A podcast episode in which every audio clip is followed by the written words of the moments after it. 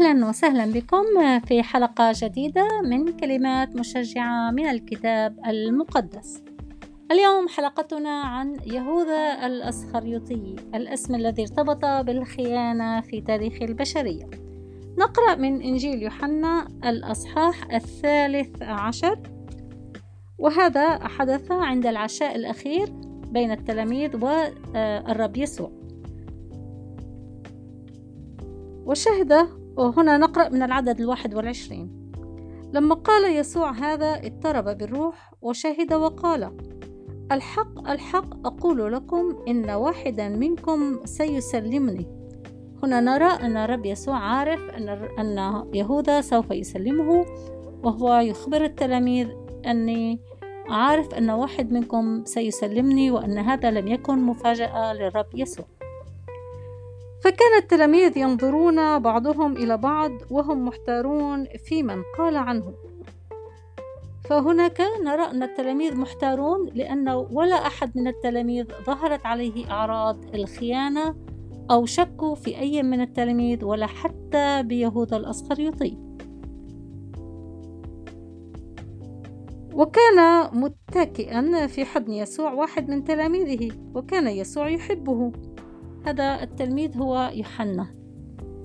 فأومأ إليه سمعان بطرس أن يسأل من عسى أن يكون الذي قال عنه. كلنا نعرف آه، حين نقرأ الكتاب المقدس أن سمعان بطرس كان يسأل كثيرا ويبدو أن سمعان بطرس اليوم قرر أن يقول, يقول ليوحنا أن يسأل. فاتكأ ذاك على صدر يسوع وقال له يا سيد من هو؟ فأجاب يسوع هو ذاك الذي أغمس أنا اللقمة وأعطيه. فغمس اللقمة وأعطاها ليهوذا سمعان الأسخريطي يعني نحن الآن نستمع إلى القصة ونعرف أن الرب يسوع قال الذي أغمس اللقمة وأعطيه هو وأعطى اللقمة ليهوذا يعني واضح جدا أن الشخص الذي سيخونه هو يهوذا الأسخريطي ولكن نرى أن التلاميذ لم يعرفوا. يعني التلاميذ لآخر لحظة حتى بعد أن غمس اللقمة وأعطاها ليهوذا لن يشكوا بيهوذا. يعني هذا يدل على أن يهوذا كان يمثل الدور بطريقة رهيبة. فبعد اللقمة دخله الشيطان فقال له يسوع ما أنت تعمله؟ فاعمله بأكثر سرعة. وأما هذا فلم يفهم أحد من المتكئين لماذا كلمه به. يعني لحد هذا الوقت لم يفهموا ماذا يكلم يسوع آه، يهوذا عن أي موضوع. لأن قوما إذ كان الصندوق مع يهوذا ظنوا أن يسوع قال له اشتري ما تحتاج إليه للعيد أو أن يعطي شيئا للفقراء.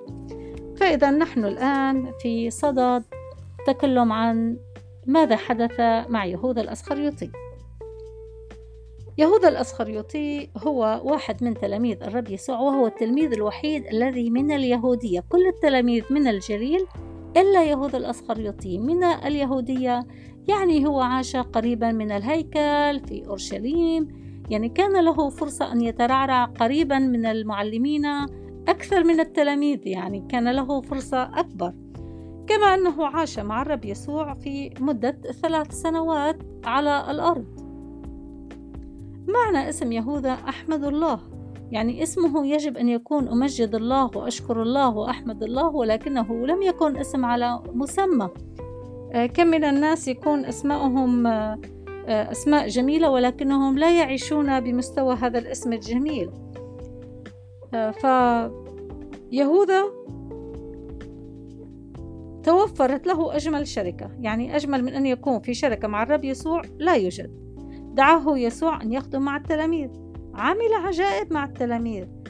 رأى معجزات الرب يسوع بأم عينيه. رأى محبة الرب يسوع وحنانه. حتى أن أنه جلس قريبا من يسوع على العشاء. يسوع استطاع أن يقدم اللقمة له فهو كان قريبا. أيضا أعطاه الصندوق يعني أعطاه الصندوق وهو عارف أنه شخص خائن وكان يسرق من الصندوق وكان الرب يسوع يعلم. ولكن كان يعطيه فرصة أنا أثق بك. أنا أعطيك فرصة لكي تتصرف ولكي آه، تكون آه، عند حسن ظني. انظر أنا أثق فيك. يعني محاولة أن يشجعه.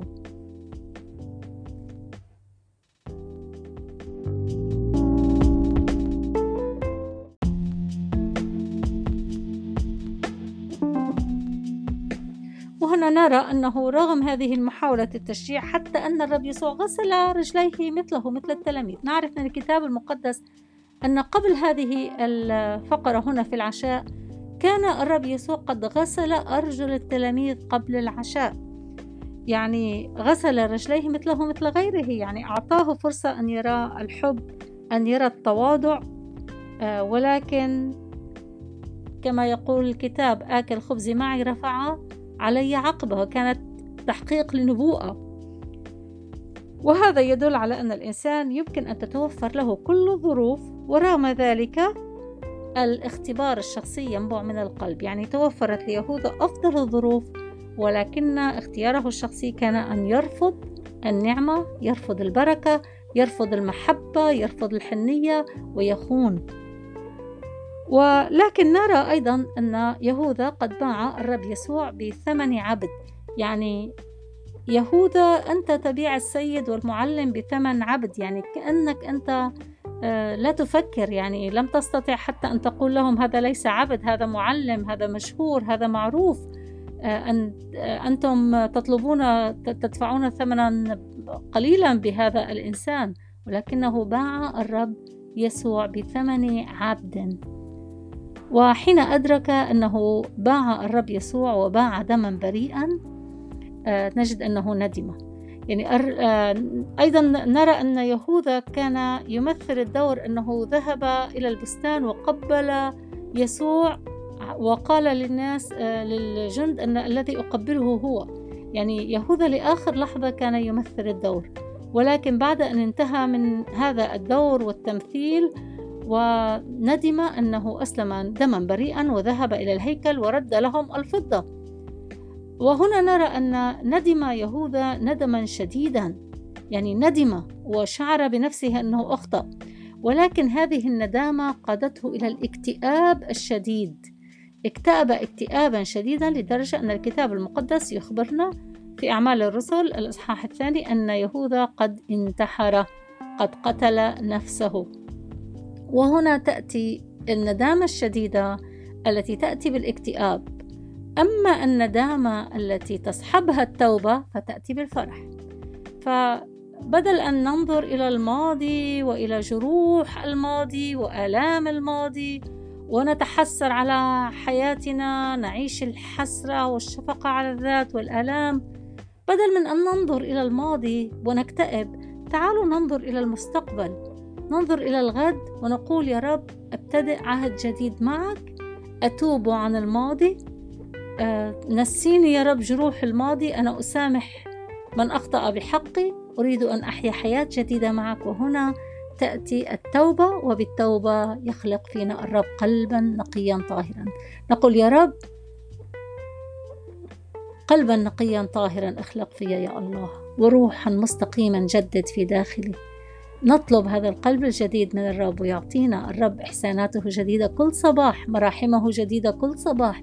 لا مكان لا يوجد ولا مكان يعني حتى يهوذا الذي سلم الرب يسوع لو كان جاء نادما وتائبا لسامحه الرب. لأنه نرى أن بطرس أنكر الرب يسوع ثلاث مرات. ثلاث مرات أنكر بطرس الرب يسوع ومع ذلك حين تاب بطرس الرب سامحه.